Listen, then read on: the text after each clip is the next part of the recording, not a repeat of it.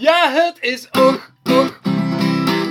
De filosofische podcast van de twijfel. Met Mark en Adriaan. Ja, het is Och, Och. De filosofische podcast voor jou.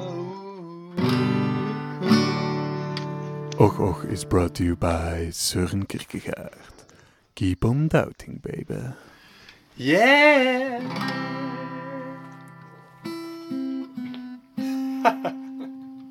Hey Mark! Oh, hey Adriaan. We hebben vandaag een heel speciale aflevering. Zeker en vast. Zeker dat is vast. onze eerste aflevering met vier mensen. Wel nog steeds met twee mannen, waarvoor ik me graag zou willen eh, excuseren. We zouden graag een eh, genderdiverse eh, podcast oprichten. Ja. Maar het probleem is echt niet dat we geen vrouwen uitnodigen. Het probleem is dat als ze ze uitnodigen, dat ze niet geïnteresseerd zijn om te komen.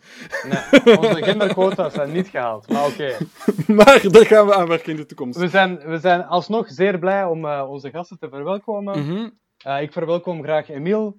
Hallo, hallo. eh, En Hallo. Sander. hey. en Sander. We, we hebben, eh, ja, eh, laten we hen eh, introduceren. Mark? Inderdaad. Misschien eerst, eerst eh, belangrijker. Emiel, alles goed met u? Alles is goed met mij, eh, dankjewel Mark. Oké, super. Eh Emiel Sander, is een... hoe eh, is het met jou? Zeer goed. eh, Ah. blij om hier te zijn, eh, Adriaan. Ja, zeer blij dat je bent gekomen. Inderdaad. Eh, ik introduceer Emiel, Emiel even, even snel.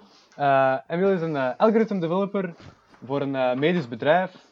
Ehm, en zij gebruiken eh, image recognition oh, in bepaalde onderdelen van hun proces, heb ik, eh, heb ik vernomen.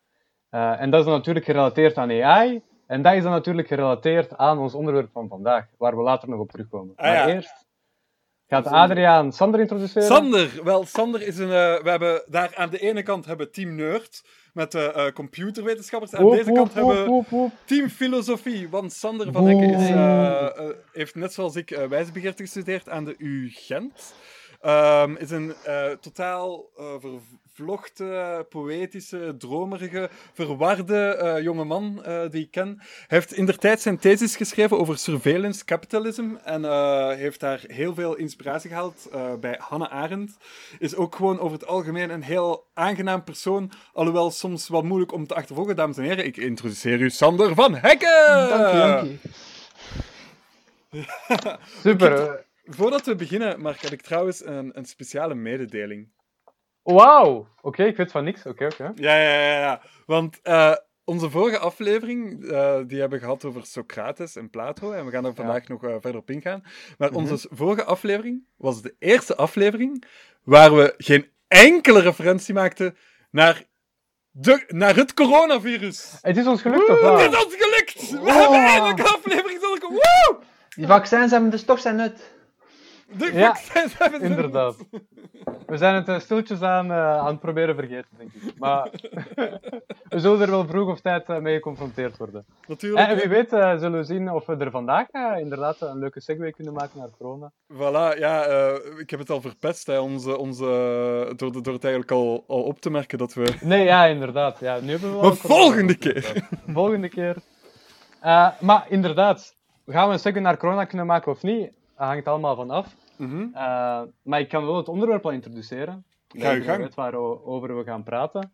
Ehm, en het begint eigenlijk inderdaad bij eh, de vorige aflevering, waarin Adriaan eh, Socrates heeft gepresenteerd. en allemaal leuke informatie heeft verteld. En een van de dingen waar hij over praatte was, was Plato zijn Republiek, een, een werk wat hij heeft geschreven, waarin hij beschrijft hoe dat filosofen van boven aan de maatschappij staan en dicteren naar, eh, naar de brede bevolking hoe dat zij hun leven moeten leiden, opdat ja, het zoveel mogelijk goede dingen bereikt worden. Als ik het goed heb. eh, Wel ja, het, het eh, feit is gewoon dat de, de samenleving kan bepaald worden door een select aantal mensen die, omdat zij intelligent genoeg zijn en filosofisch beter onderbouwd zijn, zij alle beslissingen kunnen nemen over de mensen in die maatschappij. inderdaad, exact. En, maar we zijn nu zoveel jaren verder. En wat is er intelligenter dan Plato en Socrates allemaal bij elkaar? Artificial intelligence. Fuck you, dat is Eh. niet waar. Eh, nee, of dat nu waar is of niet, va- valt inderdaad te discus- bediscussiëren. Maar dat is, dat is de, de associatie die ik had gemaakt met wat als we nu eigenlijk in deze tijd een AI zouden zetten van bovenaan de maatschappij, Mhm. Waar eh, Plato, de filosoof, had, eh, zichzelf had ingebeeld. Mhm. En allemaal eh, beslissingen laten maken door die AI. En dat is het eh, onderwerp. Kan je dat wat concretiseren? Wat voor beslissingen zou de AI dan precies maken over ons leven? Welke beslissingen zou de AI precies rond ons leven maken? Ja. Ik denk, hoe dat ik het zie, is het vooral het belangrijkste welk doel dat we aan de AI geven. Mhm. En dat, dat het eigenlijk een beetje op de manier gebeurt van eh, het doel heiligt de middelen, op de manier dat de AI een bepaald doel krijgt, een bepaalde doelstelling. En afhankelijk van hoe dat doel het beste te bereiken is, eh, dat die alle beslissingen eigenlijk mag nemen die daartussen komen. Maar een bepaalde voordeel, eh, voorbeelden zou bijvoorbeeld zijn, heel radicale voorbeelden, wie is uw levenspartner? Dus je komt op een bepaald moment in je leven, je moet een levenspartner vinden. En een AI die dan kijkt van, oké, wat, wat zou de beste partner voor u zijn, omdat jullie een langdurige relatie hebben die het beste is voor zowel jullie als de maatschappij.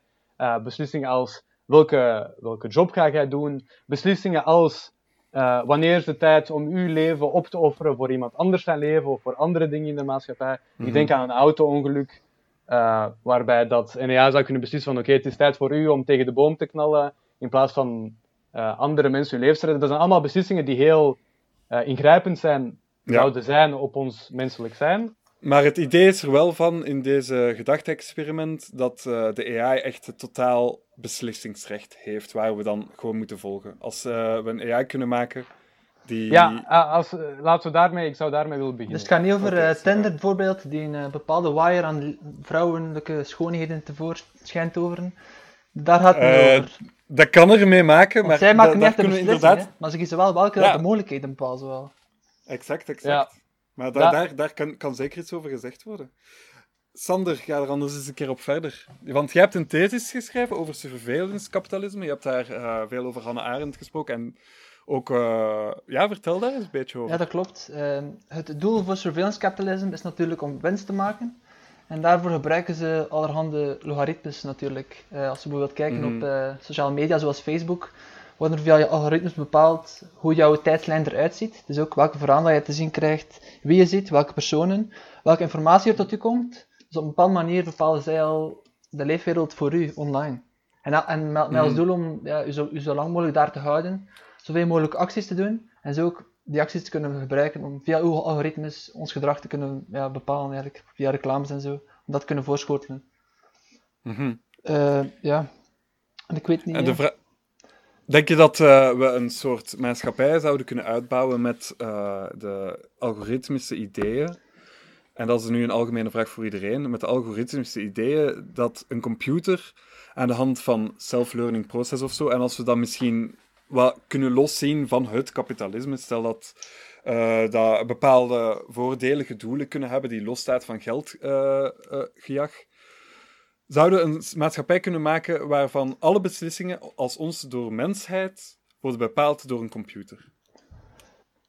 Kunnen we niet eerst afvragen eh, wat, of dat ook mogelijk is op vandaag via die algoritmes? Ik kijk kijken of dat die Ah, maar dat is een, dat is een goede vraag. Ja. En, en, en daar ga ik absoluut van zeggen nee.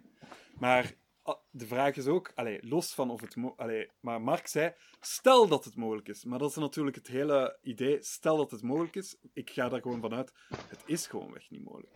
Misschien moeten we dat vragen aan onze informaticus. Hè. Emiel, is dat mogelijk? Op dit moment, hoe ver staan Ja, we daar ik al denk in? dat vandaag de dag niet mogelijk is alvast. Allee, AI is bezig, maar AI is niet equivalent van een volledig volwassen, laat staan slimmer dan een gemiddelde mens. Dus Mhm. ik denk niet dat het mogelijk is op dit moment. We kunnen het wel gebruiken om kleine taakjes op te lossen, zoals gelijk zien of dat er op een bepaalde foto een giraf staat of niet, of eh, gezichten te herkennen enzovoort. Maar AI vandaag de dag laat ook heel erg vaak weten hoe zeker dat hij van iets is. Als hij ziet of dat er een giraf op die foto staat, dan gaat hij wel zeggen van ah ja, ik ben hier 80% zeker van, ik ben hier 60% zeker van. En als die AI dan een claim maakt, maar die is daar gelijk minder dan 50% zeker van, dan kunnen we die gewoon negeren. Dus zoals als we een AI aan de top zetten, gaat die AI af en toe kunnen falen. Gaat die af en toe zeggen van ja, ik denk dat dit hier misschien de beste levenspartner is, maar ik weet het eigenlijk niet zeker. En op dat moment moeten wij nog een manuele manier hebben om het zelf te kunnen beslissen. Dus we kunnen hem sowieso nooit volledige macht geven. Oké. Maar is, zou je ervan uitgaan dat er een algoritme kan bestaan die zo diep liefde kan analyseren dat je een perfecte partner kan beslissen, zelfs als daar 20% foute marge op staat? ik denk dat dat een moeilijke is, omdat eigenlijk iedereen ook graag controle heeft over zijn eigen leven. Dat is een van de basisbehoeftes van de mens. Mhm. En zodra dat je die controle over je eigen leven weghaalt, dan denk ik dat je als mens je niet per se gelukkig gaat voelen eigenlijk. Dus zelfs is dat de beste partner, maar als je hem niet zelf hebt gevonden, ga je je daar misschien nog altijd niet goed bij voelen, omdat dat eigenlijk het bewijsstuk is dat je niet onder controle bent van je eigen leven. Dat vind ik een interessant, eh, interessant ding. Oh, allee, als ik daarover aan nadenken ben, inderdaad, autonomie. Noam Chomsky zegt dat ook, is een van de belangrijkste dingen die, die we als mensen als behoefte hebben. En voor een deel denk ik dat dat wel het geval is, maar langs de andere kant denk ik dat het ook te relativeren valt op de manier dat je alsnog autonomie hebt binnen de keuzes die dan al gemaakt zijn of zo. Zeg maar, het, wij hebben ook niet, wij hebben niet de autonomie om te kiezen van welk weer dat gaat zijn. Eh, het, het is ofwel zonnig ofwel is het aan het regenen. Maar we hebben dan wel de keuze om binnen de dingen, de kaarten die we gekregen hebben in onze hand, om daarmee te doen wat we willen. Uh, en dus op dat vlak zou ik me bijvoorbeeld ook bij, bij een job of zo kunnen inbeelden van oké, ik, maak eigenlijk de, de naar autonomie in, op het soort van landelijk leven. Mensen zeggen dat, dat mensen in, in, uh, in de natuur eigenlijk een heel grote autonomie hadden. Maar langs de andere kant, je taken zijn wel vast. Je weet wel, je gaat opstaan, je moet je eten, je moet, je moet zorgen dat je eten hebt. Dus dat zijn dingen die je weet die je moet doen, je taken zijn vast. Er is eigenlijk al voor u bepaald van oké, jij gaat dit moeten doen. Mhm. Maar de manier waarop dat je het doet en hoe dat je het invult, is nog Maar de u. vraag die hier dan tegenover staat, hè, is niet zozeer van hebben wij een limiet in ons leven, want dat is zeer duidelijk dat we dat hebben. Daar hebben heel veel filosofie in, over geschreven. Maar de vraag, wat, wat volgens mij heel prangend lijkt en eigenlijk ook zeer beangstigend lijkt, is dan Mhm. kunnen wij die beslissingen laten bepalen door een externe AI? En daar zit ik, daarvan zit ik te zeggen van in de eerste plaats dat dat een heel beangstigend en, en ook, ook geen bevorderlijk idee is. Want Mark en ik hebben hier vaak over gediscussieerd. En Mark heeft zo de pretentie van, ja, in de toekomst gaan we naar AI. En ik kan dat geloven dat hij dat gelooft, omdat hij in zijn, zijn wereldbeeld heel hard zit bij IT'ers en die daar ook altijd over zitten te praten. En ook alles omzetten in algoritmes en, en, en, en, en, en, en, en statistiek en zo. Maar het Mhm. feit is dat in heel veel eh, plaatsen, zoals het leven, er helemaal geen statistiek toe te pas komen. Dat zijn allemaal eh, systemen waardoor we dingen leren begrijpen en waar we misschien ook zeer eh, bevorderlijke dingen kunnen, kunnen uithalen. Maar het feit is wel dat je voor elke statistiek er wel een achterliggende idee hebt van ik gebruik deze statistiek om het volgende te onderzoeken. En als je dan dit gaat toepassen op liefde, en nu ga ik eh, Lacan eh, erbij nemen. eh, en ik moet daarbij zeggen, ik heb Lacan niet gelezen, maar ik heb er wel over geleerd. Ehm, als we kijken naar liefde, dat is op zich geen algoritmische feit. Lacan heeft geschreven hoe in het verleden, hè, dus de premoderne liefde, daar was eh, trouwen en liefde, dat was eigenlijk vooral functioneel voor het gezin in, in ere te houden. Maar dan is er een moment gebeurd dat er liefde wordt omgezet naar eh, een autonoom gegeven. Dat je plots de keuze hebt om met iemand eh, samen te zijn. En dat zorgt voor een soort ja, ang- beangstigend moment. Omdat je dan op, plots op zoek bent naar de perfecte partner. Maar, als, maar het ding is wat Lacan zei, als je er zo mee omgaat, op zoek naar perfectie, dan ga je nooit je, je partner kunnen vinden. Want de liefde gaat niet over de juiste eh, algoritmes, de juiste verbindingen met uzelf te vinden. Liefde gaat over samenwerken aan een punt om samen te kunnen zijn. Want een relatie, dat gaat nooit perfect zijn. Daar zitten altijd eh, conflicten in, maar dat is ook het mooie aan een relatie. En dat is ook ergens het, het, het, het aanvaarden en het omgaan met een ander. En als wij de hele tijd met ons hoofd in, allee, in het idee zitten dat we altijd de perfecte persoon moeten vinden, zoals wat die AI en die, die algoritmes dan ook gaan Mhm. proberen uitzoeken, gaan we ook absoluut geen gezonde relaties creëren. En dat is het hele ding wat, wat, wat wij beangstigend lijkt, is door de focus de hele tijd te leggen op algoritmes, op, eh, op eh, cijfers, op AI, op eh, dat soort onderzoek, ga je ervoor zorgen dat je eigenlijk op een heel scheve manier naar de realiteit kijkt. En dat, en dat is hetgene waar, waarvan ik zou zeggen, laat nooit AI dingen beslissen over u. AI, dat is een, dat is een, dat is een middel, dat is een werktuig. Maar dat mag niet uw leider zijn, dat mag geen gelijke zijn. Oké, je kunt eh, beginnen nadenken over intelligente computers. Hoe ver gaat dat gaan? Maar op, eh, op het moment, allee, ik weet niet waar het naartoe gaat gaan, maar het is een werktuig, het is een middel en we moeten dat ook zo Mhm. behandelen. Inderdaad, natuurlijk is het een middel, maar het ding is tot hoe ver gaat je een middel gebruiken om iets zo perfect mogelijk, of allee, hoe zeg je dat? Het ding is, je zou dat niet zeggen, stel je voor, je moet een gebouw maken. Je moet een, een gebouw metselen en je moet, dat, je moet dat rechtzetten.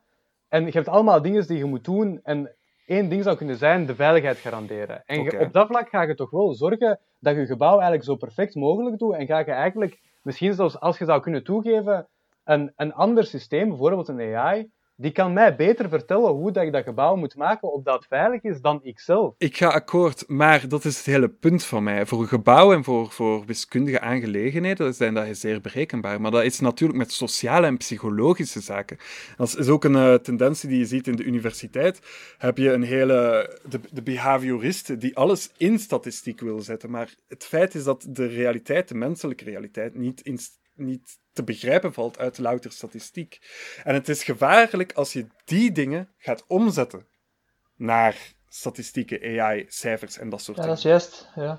Als we voor Hannah Arendt kijken, voor haar het belangrijkste is spontaniteit. Dat wil zeggen dat er op elk moment iets kan veranderen. Als het leven is onvoorspelbaar, niet te voorspellen. En als je AI probeert daarvoor te gebruiken, dan wil je eigenlijk, wil je eigenlijk de wereld controleerbaar maken en voorspelbaar.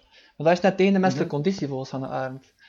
En net, eh, ook omdat we eh, zoveel spontaniteit hebben als mensen, zijn we ook pluralistische wezens. Er zijn zoveel verschillen, net omdat we niet gedirigeerd worden door iets dat vaststaat, maar net omdat, er open oplossingen mogelijk zijn. En door die pluraliteit spreken we ook met elkaar. En zolang dat logaritmes eh, menselijke relaties en het spreken samen, en samenkomen niet vervangen, is voor mij geen probleem. Maar vanaf dat dat gebeurt, dan is dat een heel risicovolle operatie. Omdat, Mhm. als je ook als je kijkt naar de opkomst van totalitaire systemen, dat is altijd gebeurd in, in maatschappijen waar een soort van isolatie ontstond. Waarbij de mensen niet meer met elkaar praten, waarbij dat er geen eh, kritische gesprekken meer eh, zijn. Hmm. Dus het risico van, volgens mij, van de over, eh, over, overgebruik van logaritmes is, is net dat we een apolitieke bevolking creëren, waarop dan Of een pretenderen. pretenderen, waarop een totalitaire staat bijvoorbeeld zijn macht kan vestigen. Hè. Maar zeker met corona. hè. En nu om de segue wel naar corona te maken. Ja, zo, er zijn theorieën die zeggen dat conspiracy-theorieën en zo nu allemaal veel meer merit hebben en veel vaker gebeuren. Omdat mensen, mensen alleen zijn, mensen geïsoleerd zijn, Ja. mensen niet met elkaar praten.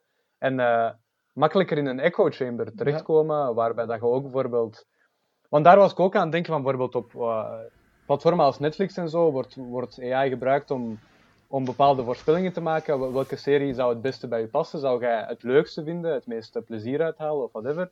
Maar dat zorgt inderdaad voor dat je altijd naar dezelfde series blijft kijken. Waarop me bevestigd Eh. zijn, dus dat je eigen idee wordt bevestigd en opnieuw in je eigen spiraal gestoken. En er is eigenlijk geen optie meer om het andere, het absoluut andere te leren kennen. Dat is het probleem. Daarom dat we podcasts nodig hebben zoals Och Och. Om in gesprek te blijven met elkaar. Maar eh, ik wou even iets vragen aan Mark. Ehm, die, die, ik wou daar even persoonlijk vragen. Die, die, die onderzoeken van eh conspiratietheorie, kan je die mij even doorsturen? Want dat lijkt me wel interessant. En kan je die ook eh, in, de, eh, in de beschrijving van deze aflevering zetten? Voor het geval mensen dat willen lezen? Ja, ja ik, ik, heb- ik, ik, ik, ik heb het wel uit een secundaire bron. Dus ik ga eerlijk zeggen, misschien bestaat het niet. Eh, ik, ik, ik hoop van wel, maar ik heb het, ik heb het uit, in, in een gesprek met iemand die, die daarover Ah, gelezen had. Maar er is theorie dat... Het klinkt wel ja. logisch op een manier, hè? Want Ja. als nu iedereen via Facebook aan het interageren is, via Twitter enzovoort, zit eigenlijk iedereen gewoon in zijn bubbel. En die bubbel die kan zo extreem zijn dat, dat je like, bijvoorbeeld in een extreem rechtse wing van Amerika zit, of dat Yep. je keihard gelooft dat de aarde plat is of zoiets in die aard. En je gaat alleen maar Ja, mensen tegenkomen inderdaad. van wereldwijd met exact hetzelfde idee, dankzij AI. Het is, het is dan wel grappig dat de politiek de hele tijd eh, zit eh, in te werken dat we allemaal in onze bubbel moeten blijven tijdens de coronacrisis. Ja, inderdaad. Dus allee, ja, we gaan hier gewoon meer extremiteiten van krijgen, waarschijnlijk. Ja. Allee, ja.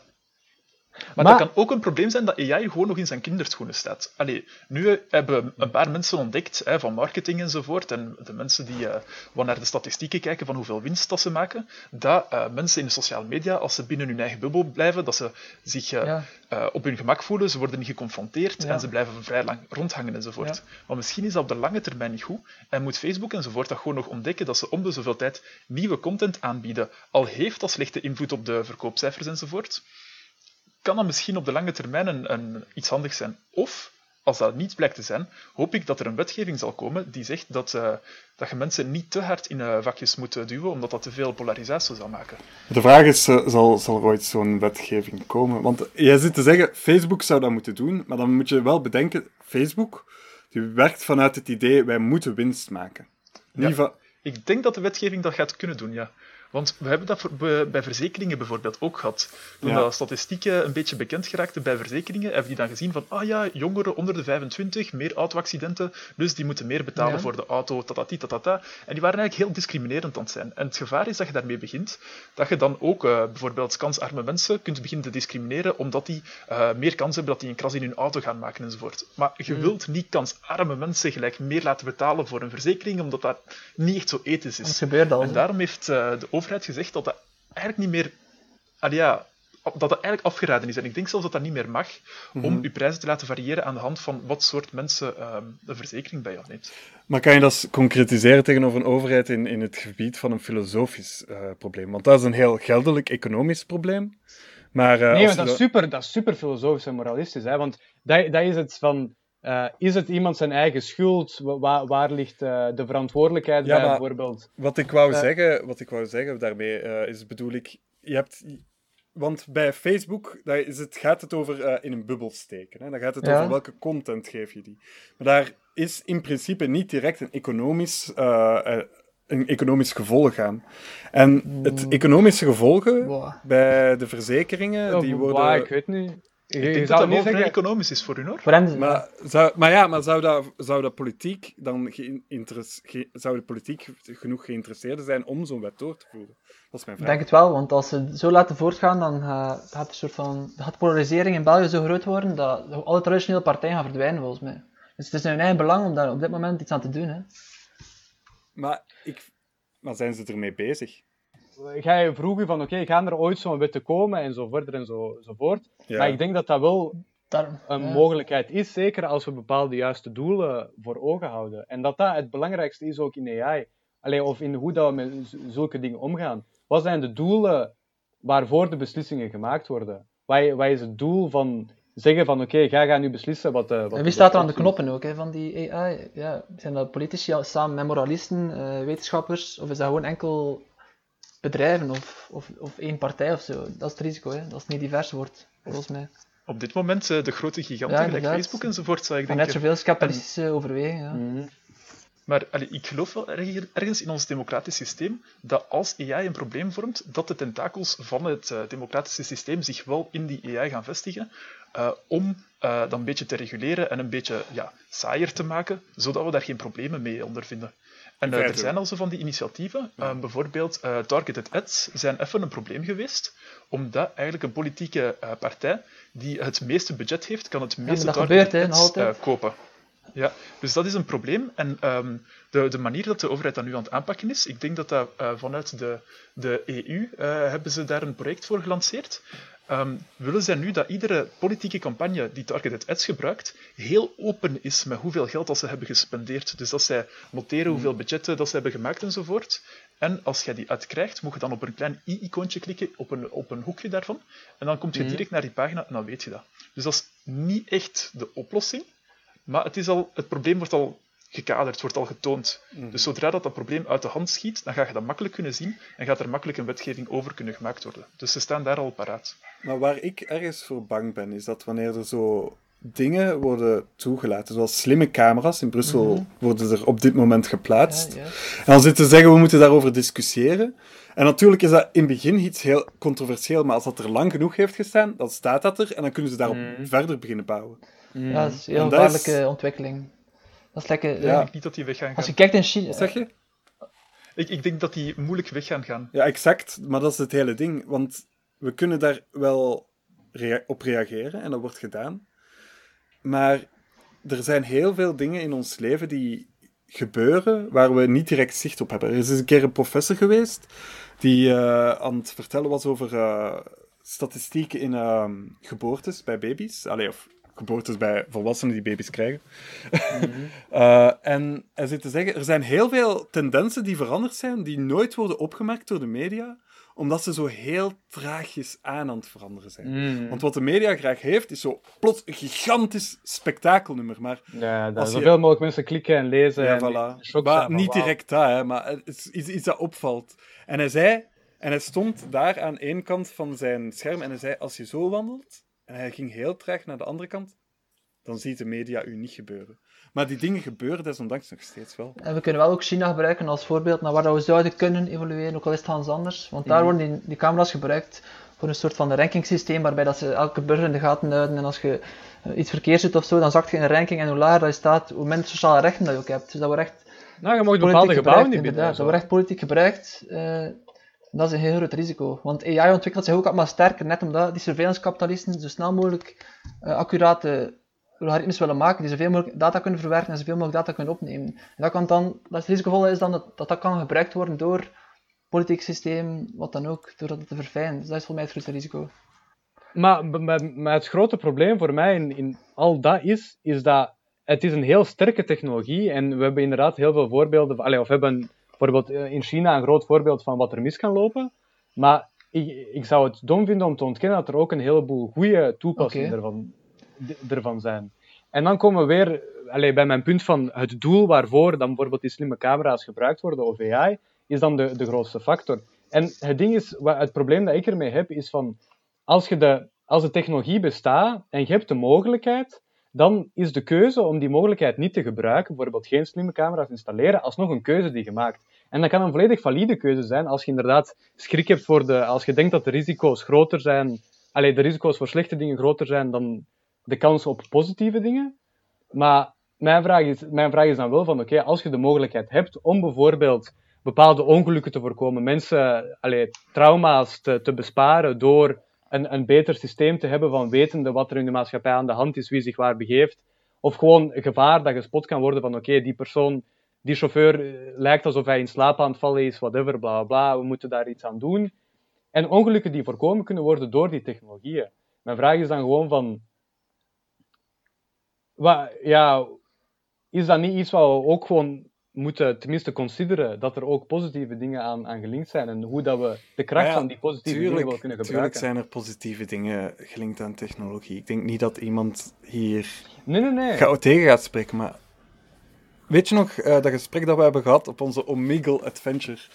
Met onze goede eh, ehm, Native American, eh, Amerikaanse vriend over, over wapenwetten in. Amerika. En hij zit... en dat is het hele ding. Die, die wapenwetten, die wapens, die zijn er. En het argument die ze gebruiken... eh, guns don't kill people, eh, people kill people. En dat is het hele ding. Technologie, die, eh, dat, dat doet niks slecht. Te- technologie is neutraal.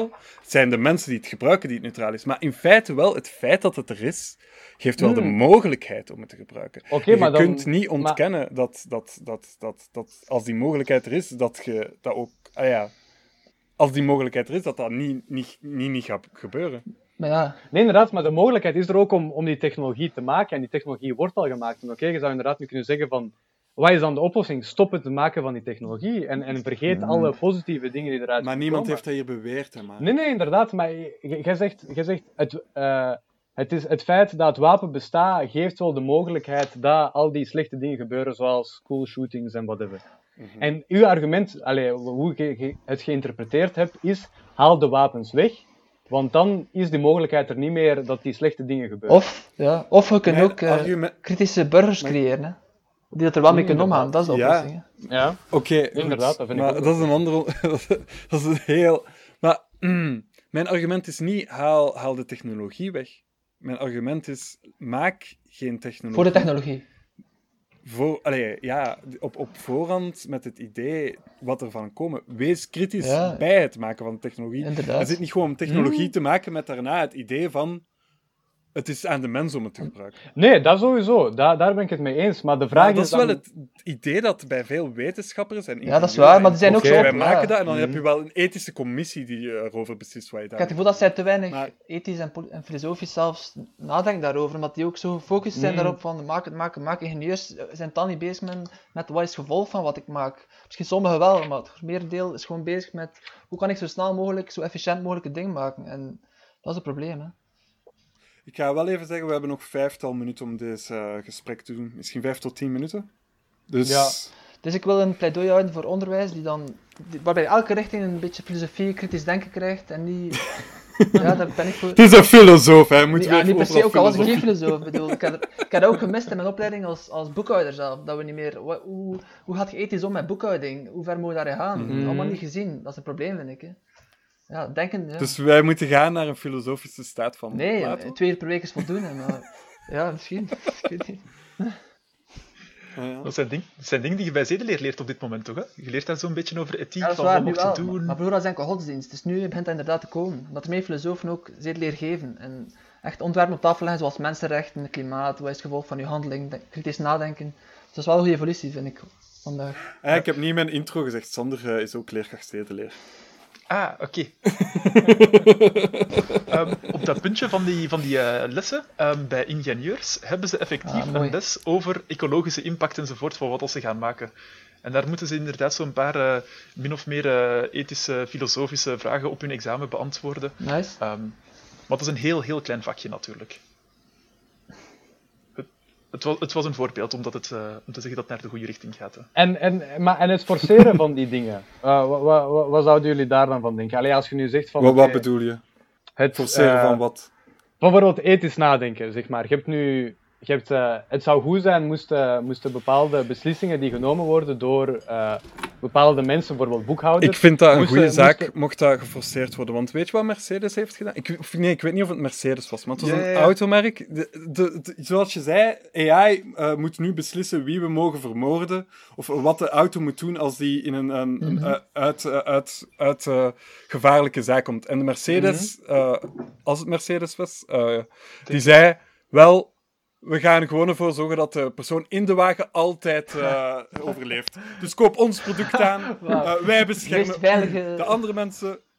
En dat is het hele Ja. ding. Als je, als je dat gewoon loslaat voor mensen om gewoon te interpreteren hoe ze dat willen, dan ga je, dan ga je dat soort situaties terechtkomen. En Nou, Oké, maar dat is ook wel iets dat in het echte leven gebeurt. Ik bedoel, als, als persoon, als het niet de AI die aan het sturen is, maar als jij Ja, aan het rijden bent, moet je alsnog die beslissing maken. Maar ja, maar nee, dat is het ding. Mercedes beslist gewoon dat de beslissing altijd is Ja, dat de persoon waar. in de auto wordt gered. En dat iedereen Ja, uit dat de auto waar. maar vermoord wordt, zolang de persoon in de auto wordt gered. Dus dat is hun oplossing ervoor.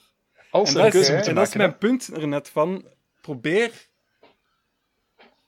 Dwing eh, mensen om ethisch te denken. Ja, inderdaad. Laat niet zomaar, eh, omdat, dat, omdat dat de oplossing is die de meeste, de meeste dingen kan doen verkopen, heeft Mercedes daarvoor gekocht, gekost, maar het is niet de ethische Het beslissing. gaat om de verantwoordelijkheid ook, ook, hè. Leg die bij de mens zelf en niet bij de autobouwers of zo. Want ja, En dat is ook het hele verschil tussen bijvoorbeeld Plato en Kierkegaard. Plato die zei, de mens die kan, mensen die, hij vertrouwde niet dat mensen dat konden. Mensen kunnen Ja. niet ethisch nadenken. Er zijn andere mensen die dat voor de anderen moeten beslissen. Maar Kierkegaard is de filosoof, en dat is ook natuurlijk omdat hij in de romantische tijd zat, die zei, als mens moet je leren ethisch mooi. denken. Heel mooi. En elk persoon kan daartoe komen. En als wij een soort omgeving maken waar Mhm. ieder persoon leert ethisch zijn, dan gaan we een betere samenleving maken dan als we één kerel hebben aan de top die zogezegd ethisch gaat beslissen voor al de rest.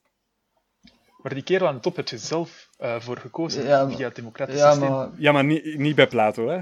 Ah ja, oké. En dan nog, bedoel, ik, ik geloof in de, in de spontaniteit van de mens, waarbij dat elke mening opgeteld een betere mening is dan de mening van één persoon. Maar ja, dat is natuurlijk... Ja.